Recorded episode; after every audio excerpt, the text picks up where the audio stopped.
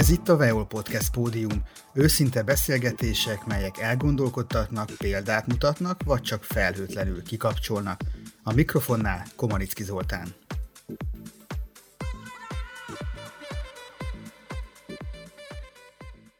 Geográfus, földrajz technika szakos tanára Veszprémi Bátori általános iskolában elhivatottan foglalkozik a Vármegye székhely egyik leghíresebb familiájának, a Csolnoki családnak a történetével, amelyről könyvet is írt. A műsor vendége Ribár Olivér. Üdvözöllek, köszönöm, hogy elfogadtad a felkérésemet az interjúra. Szervusz, üdvözlöm a hallgatókat! Rögtön egy-két fogalmat tisztába teszünk, hogy minden hallgató abszolút képben legyen.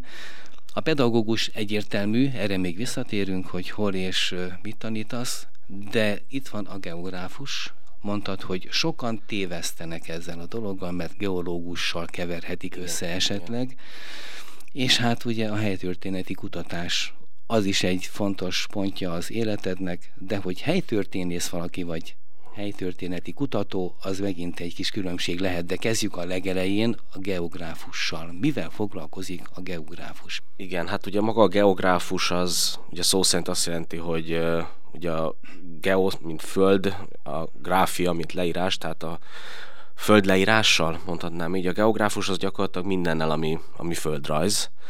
Tehát egy ilyen, nem azt mondom, hogy földrajztudós, mert ez egy nagyon túlzóan hangzik, hanem mindenhez kell érteni egy kicsit a földrajzon belül, tehát a természetföldrajzhoz, a társadalomföldrajzhoz, meteorológiához, geofizikához, geológiához, tehát mindenből egy kicsit.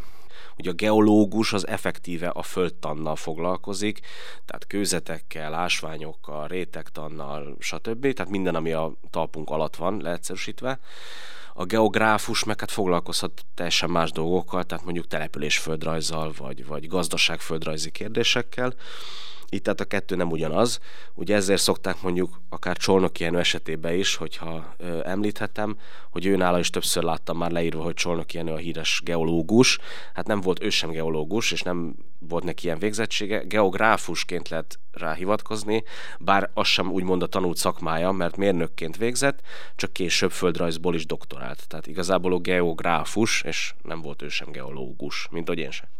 És ilyenkor felmegy a pumpa, amikor meglátod? Nem, hát csak nem, nem, de nem, nem megy fel a pumpa, mert hát ezt nem, egy ezt nem kell tudni az embereknek, hogy igen. hogy működik, meg hát rengeteg a geográfuson, meg a, itt a földtudományokon belül is nagyon sokféle szakember van, tehát van, aki mondjuk kozmokémikus, most mondtam valamit, vagy a, mit tudom én, mondjuk a geofizikának is egy olyan ágát műveli, amihez nekem nem kell feltétlen értenem, meg hát maga a földröz is, hogy társadalom, meg természetföldrajz, ez azért nagyon különböző, nagyon. és nagyon elkülönült, tehát valaki, aki mondjuk Nekem is volt olyan tanárom, aki mondjuk település földrajzzal foglalkozott, tehát a különböző település típusok hogyan alakulnak ki, a különböző városszerkezetek, hogy most az centrális, vagy egy utcás falu, vagy nem tudom, hogy ez hogy jön létre.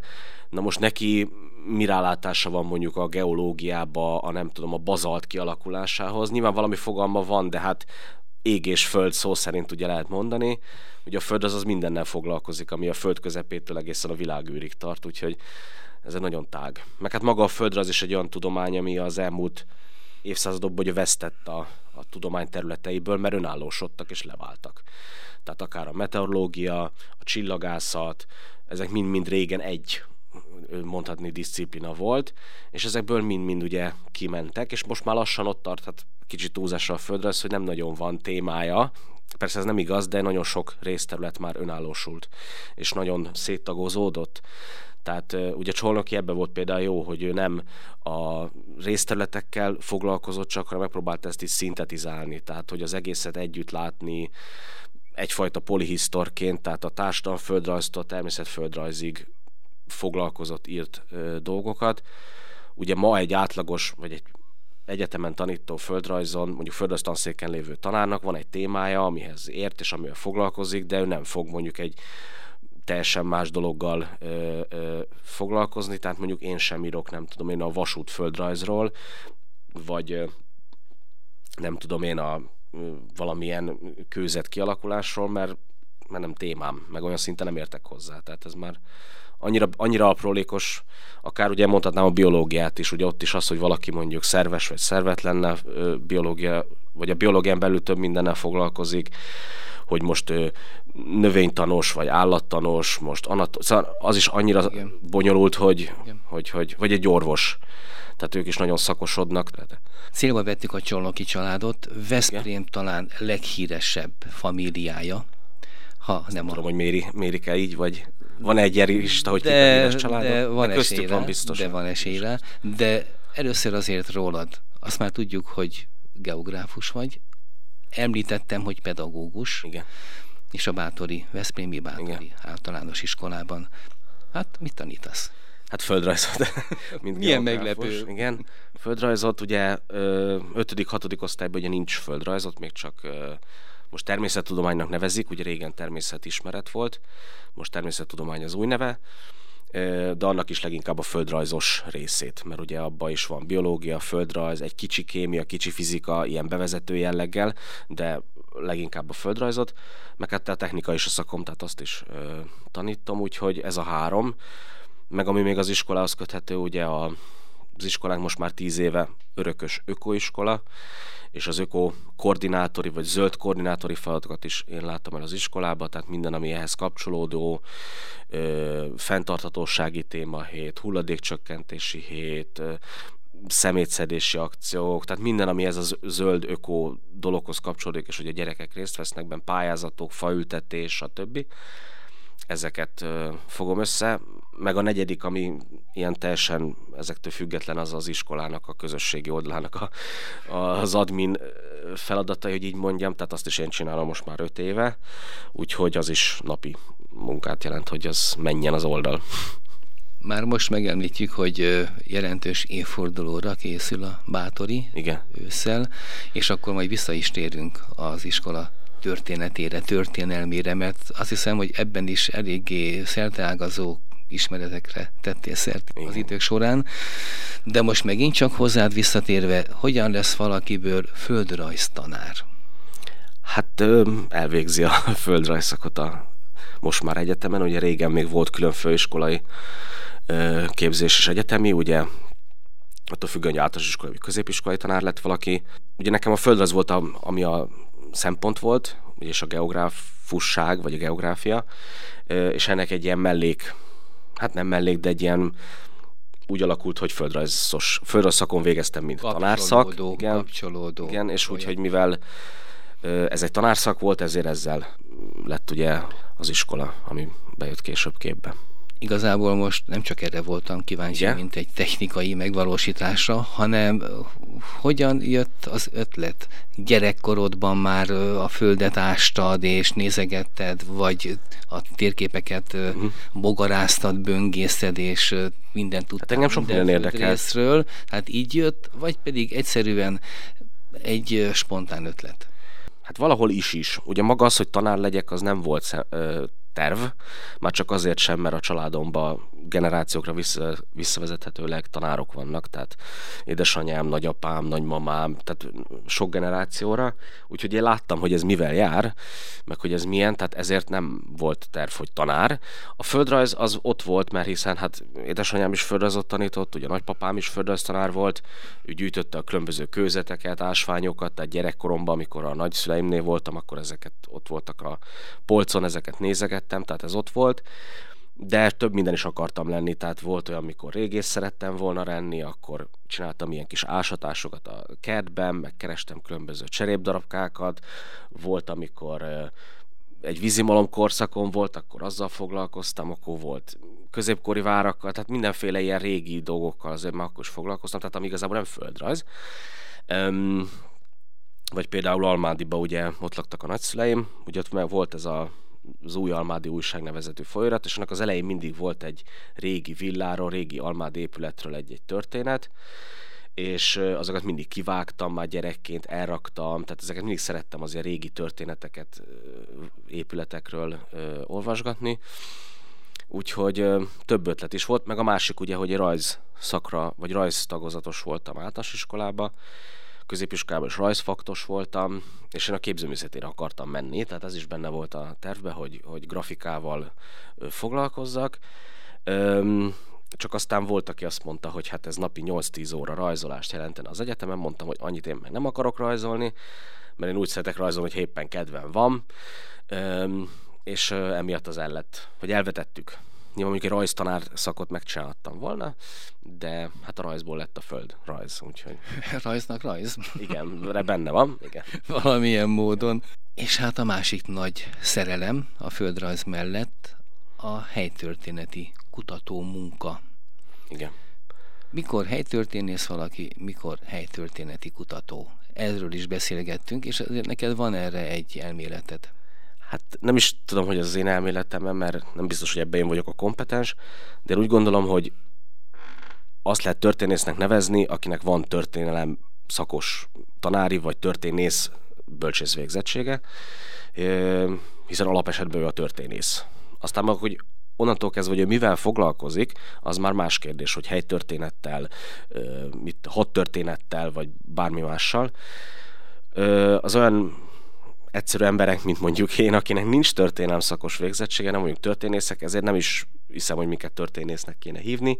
Erre nem tudom, valaki egyszer kitalálhatta ezt a helytörténeti kutató elnevezést, vagyis a helytörténettel foglalkozó ö, ö, ö, kutató, mondhatjuk így, de igazából egyik elnevezés sem hivatalos szerintem, tehát nincs Meg ilyen nem szak, is teljesen kifejező egyik sem valószínűleg. Hát, Ugye, mert attól, igen. hogy kutató, attól hogy még lehet egy tudós ember, meg lehet egy teljesen mondjuk úgy laikus, igen. aki szereti olvasni. Igen, igen, igen, igen. Hát most, hogyha belegondolunk azok a mondjuk helytörténeti kutatók, akik itt Veszprémben vannak, akár a Honismereti Egyesületben, vagy akár a Veszprémi Szemle írói gárdájában, ott is azért nagyon vegyes. Olyan idézőben civil foglalkozású emberek, akiket ez érdekel, és ezzel foglalkoznak. Tehát nem történészek társasága, hanem olyan ember, aki ebbe jobban belásta magát, meg nagyon érdekli, és nyilván mindenkinek megvan a maga területe, amit, amit, amit, amivel nagyon sokat foglalkozik, és általában azért tudjuk egymásról, hogy kinek mi a témája, és abba, abba nyilván tudnak vagy hozzájuk fordulunk, hogyha kell valami segítség, tehát akár egy fotóbeazonosítás, akkor tudom, hogy a Lőrinci Ferit kell megkeresni, mert ő az, aki erről mindent tud, ha egy bármiféle meteorológiai dolog van, akkor a Kovács Győzőt keresem meg, tehát tudom, hogy kihez kell fordulni, hogyha egy ilyen dolog van, mivel évtizedeket bele ölt ebbe a munkába és kutatásba, ezen nyilván jobban tudja, mint, mint én, vagy bárki. Figyelmes lettem rá, hogy több szám első személyben beszélsz, amikor a Veszprémi szemlét emlegeted. Szerkeszted te is? Nem, nem, nem, nem. Én csak írni szoktam időnként, mikor van valami téma, vagy megkérnek, hogy írjak valamit. Ja, hogy akkor a magad részére szánt információkról mondtad, hogy tudod, hogy kihez kell fordulni. Hogy igen, igen, igen. kell valami információ a te saját írásodhoz. Igen. Mert én azt hittem, hogy nem tudtam róla egyébként, hogy benne lennél a szerkesztői nem, nem, nem, nem, nem. Csak nem tudtam, hogy nem történt-e változás. Nem, nem, nem vagyok. Nyilván többen vannak. Van 40-50 ember, akik mondjuk rendszeresebben írnak, vagy akik tudják, hogy ezzel foglalkoznak a városba Persze mindig vannak új szerzők, mindig vannak külső, nem Veszprémből ö, író emberkék is, ö, meg vannak, akik rendszeresen írnak, úgyhogy ö, persze van, aki csak egyszer is, többen nem. Ha valaki még nem találkozott volna a nevével, a Veszprémi Szemle nagyon híres, elhíresült és komoly tartalmas város történeti folyóirat, Igen. amiről most itt beszélünk. De most nem erről beszélgetünk, erről is lehet majd még sok szót ejteni, de amit ma megcéloztunk, egy szerintem nagyon fontos téma, és valószínűleg kicsit azért elhanyagolt téma, a Csolnoki család története, a Veszprémi Csolnoki család története, mert nem csak egy Csolnokit tudunk, nem, aki nem, nem. jelentőset alkotott, hanem voltak itt többen is. Igen. Hogyan lehetne ezt a családot bemutatni? Biztos jó szerteágazó, de azért helyezzük képbe a hallgatót. Igen. Hát azt, hogy most a legelején csak annyit akartam még leszögezni, hogy mennyire hát elhanyagolt vagy nem, talán úgy érzem, hogy az elmúlt években azért ezt talán már nem mondhatjuk, mert elég nagy figyelmet kapott különböző fórumokon, meg hát az LKF-nek is egyik témája, mondhatni a Csolnoki család. Úgyhogy azért vannak velük kapcsolatban események. Ugye maga a család az egy nagy család, tehát ugye amikor én 2021-ben jelent meg a Csolnoki család története című könyvem, abban ugye földolgoztam a teljes családfát, akik csolnokiak voltak, tehát mindenki, akit tudtam, azt összegyűjtöttem. Ugye maga a család az három ágra osztható fel. Volt egy úgynevezett Antalág, Csolnoki Antal családja, ők a Veszprémiek. Volt egy Imrág, és volt egy László ág. A László és Imrág azok az Alföldhöz, Kecskeméthez kapcsolódnak, Pécs, stb. Tehát ők nem Veszprémiek. Maga a család ugye Kecskemétről származik, egy iparos család volt, tehát szabók, cipészek, csizmakészítők, stb. Akik közül ugye az egyik fiú, ha mondhatom így, a Csolnoki Antalnak ugye a leszármazottairól beszélünk, hát nem folytatta a családi hagyományt, és nem maradt Kecskeméten, mint, mint iparos, céhes ember, hanem ugye elvégezte az orvosit. Ugye ő volt idősebb Csolnoki Ferenc, aki aztán később ugye több helyen teljesített szolgáltat, és egy úgy alakult az élet, hogy Veszprémbe került. Ez ugye a 19. század közepe, tehát 1850-es évekről beszélünk, és ő volt tulajdonképpen, aki úgymond a Veszprém családot megalapította, vagy hát ő volt az első családtag, aki ide került. Ugye már ő Veszprémbe helyezkedett el, itt kezdett el ugye dolgozni, ugye az akkor még kórházi spotály, tehát a kórház elődjében, mint orvos, és Később aztán az apukáját is ugye magával hozta, tehát az édesapja, amikor már idős lett, akkor Kecskemétről elhozta ide, ő itt is halt meg. És Csolnoki Ferencnek már a leszármazottai, ők már lettek tulajdonképpen igazából Veszprémiek. Ö, ugye idősebb Csolnoki Ferencnek is ö, több gyermeke volt, talán közülük, aki ismertebb, ugye ifjabb Csolnoki Ferenc, a kórház névadó, tehát a megyei kórháznak a nevét, ugye róla, vagy róla kapta a nevét, ugye ő is orvos lett, és ő az egész életét gyakorlatilag Veszprémben élte, tehát ő, ő nem ment el innen, ő nem került el innen, Ugye neki elég sok mindent köszönhetünk, tehát a, a gyermekmenhely, az árvaház, a kórházbővítés, ugye a püspöki orvos volt, tehát rengeteg mindennel foglalkozott. Ugye nem véletlen, hogy annak idején ugye a kórház is ugye rendszerváltás idején az ő nevét vette fel. Ugye ebbe a Gyuri bácsnak, hogy a Györgynek ugye nagy érdemei vannak, hogy ő ezt felvetette, hogy hát róla kellene elnevezni, ha van egy ilyen Veszprémink, meg hát ő volt az első orvosigazgatója is az intézménynek, úgyhogy ő a, a második generációból mondhatom a, a, az egyik legkíresebb.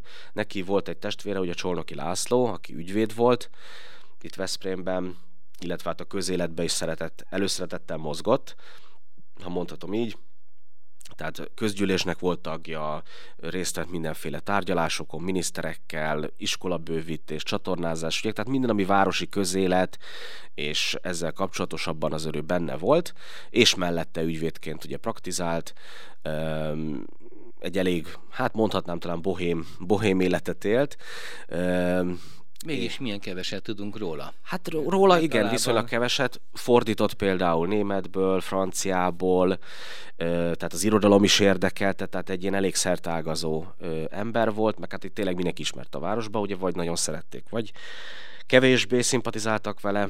Megosztó. Megosztó, megosztó volt. volt. Most így mondjuk. Igen. Ugye gyakorlatilag ő is ugye ez a második generáció, ő is itt élte gyakorlatilag lesz szinte teljes életét. Ugye idősebb korában már, amikor beteg lett, akkor került Budapestre, és ott halt meg, de maga az életének a nagy része az Veszprémhez köthető. És ugye a harmadik generáció, akiről beszélünk, az ő gyermekeikről. Ugye Csolnoki László gyermekei voltak a híres Csolnoki fivérek, ugye nyolc gyerek volt, de közülük ugye három az, akit úgy megjegyze, megjegyeztünk, vagy, vagy fennmaradt a nevük jobban. Ugye a két író, Viktor és László, illetve hát a földrajztudós Jenő. Ők voltak hárman.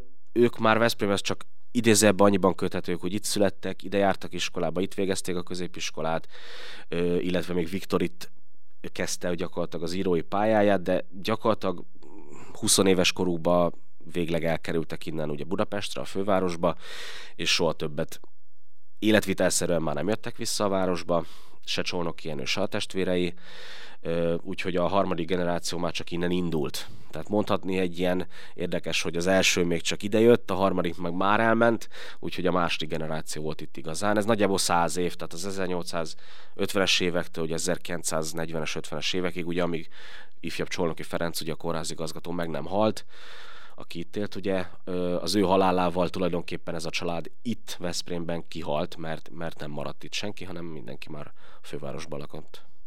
Hát elég szerencsés genetika dolgozik, dolgozott, azt hiszem, ennek a családnak az életében.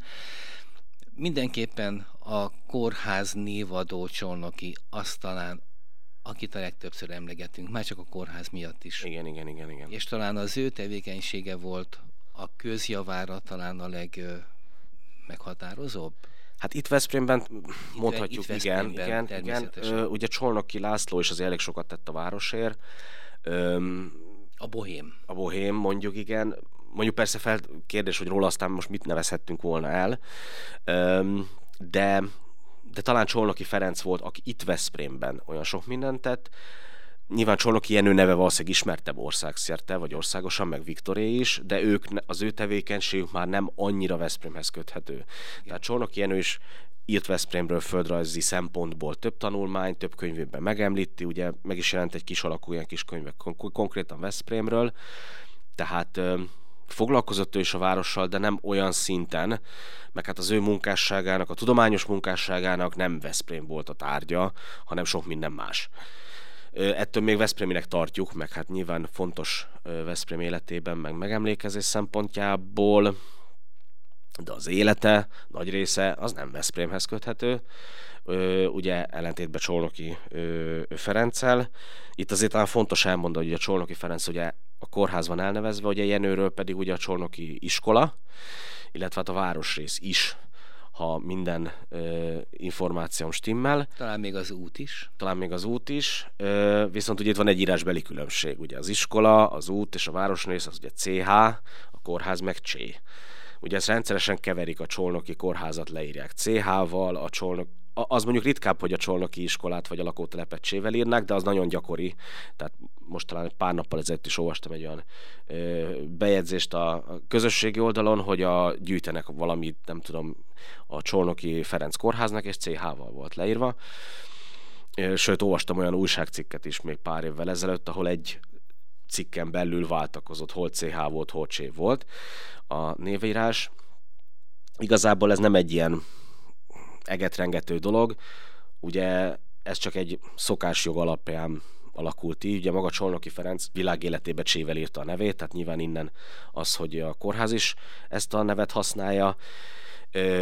Az, hogy aztán később a harmadik generáció tagjai, tehát Jenő, testvérei, mert még az édesapja is idősebb korában áttért erre a CH-s írásra, ez más kérdés.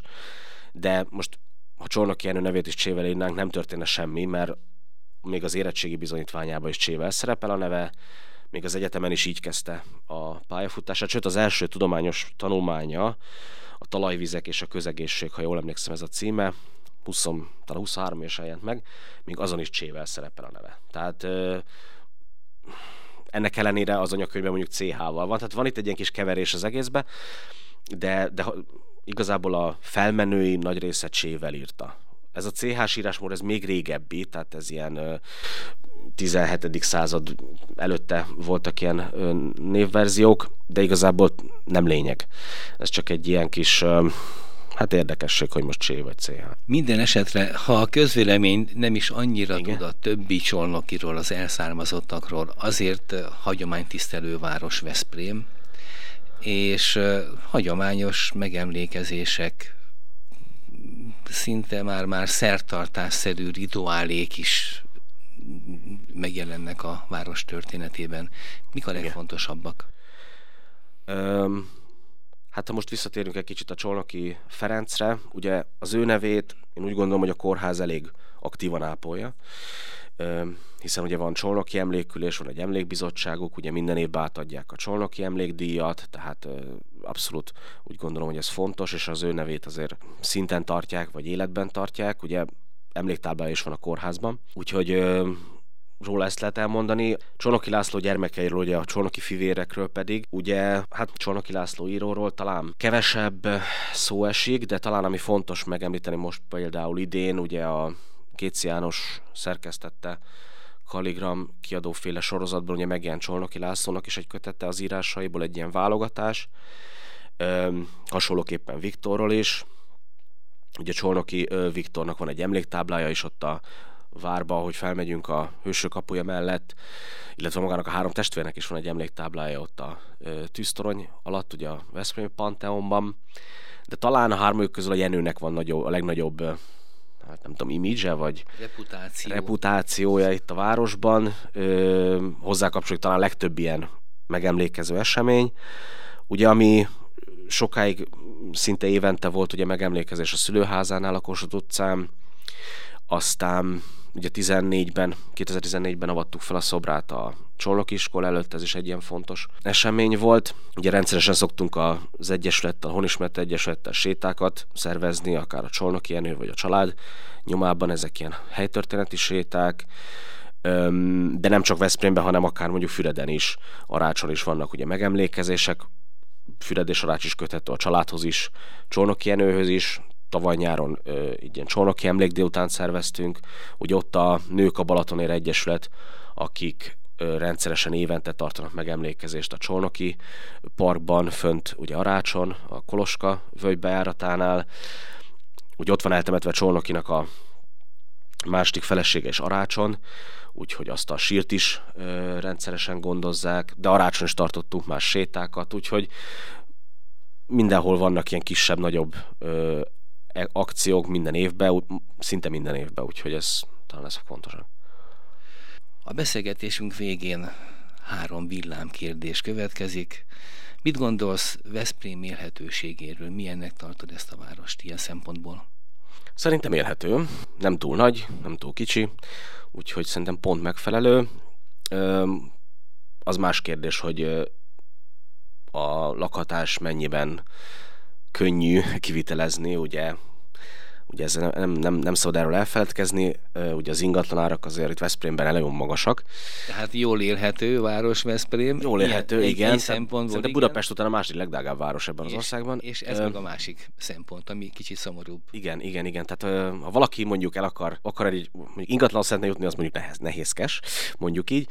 De hogyha ez megvan ez a háttér, akkor onnantól kezdve viszont nyilván élhető városról van szó. Tehát ami szerintem külön így általában, hogyha más városban vagyok, így feltűnik, hogy nagyon sok a zöld Veszprémben, ami szerintem egy nagyon fontos dolog. Parkok, játszóterek, erdők, tehát nem nagyon van olyan városrész, ahonnan 10 percen belül ne jutnék be egy erdőbe. Akár itt ugye mi itt a Bakonyaján lakunk, és hát egyik irányba utasvitéz kilátó, kiserdő, másik irányba Rabmária forrás, tehát hogy gyakorlatilag bármikor az ember a zöldbe mehet. Ez azért nagyon ritka egy megyeszékhelyen, legalábbis én úgy gondolom. Hogyan látod a város közlekedését? közlekedés. Tehát nem járok autóval, úgyhogy én gyalogosan vagy busszal, hát lenne azért rajta mit javítani. Néha nagyon nehézkes a közlekedés föl a belvárosban. Milyennek találod Veszprém kulturális életét? Szerintem kulturális életben nagyon kiemelkedő. Nincs olyan nap, hogy ne lehetne valahol elmenni egy kiállítás megnyitó, egy beszélgetésre, egy színházi, tehát rengeteg. Talán ennél több is kell. Ez volt a Veol Podcast Pódium Komanicki Zoltánnal. Hamarosan érkezik egy újabb beszélgetés, de addig is válasz egyet a korábbi interjúk közül, amely elgondolkodtat, példát mutat, vagy csak felhőtlenül kikapcsol.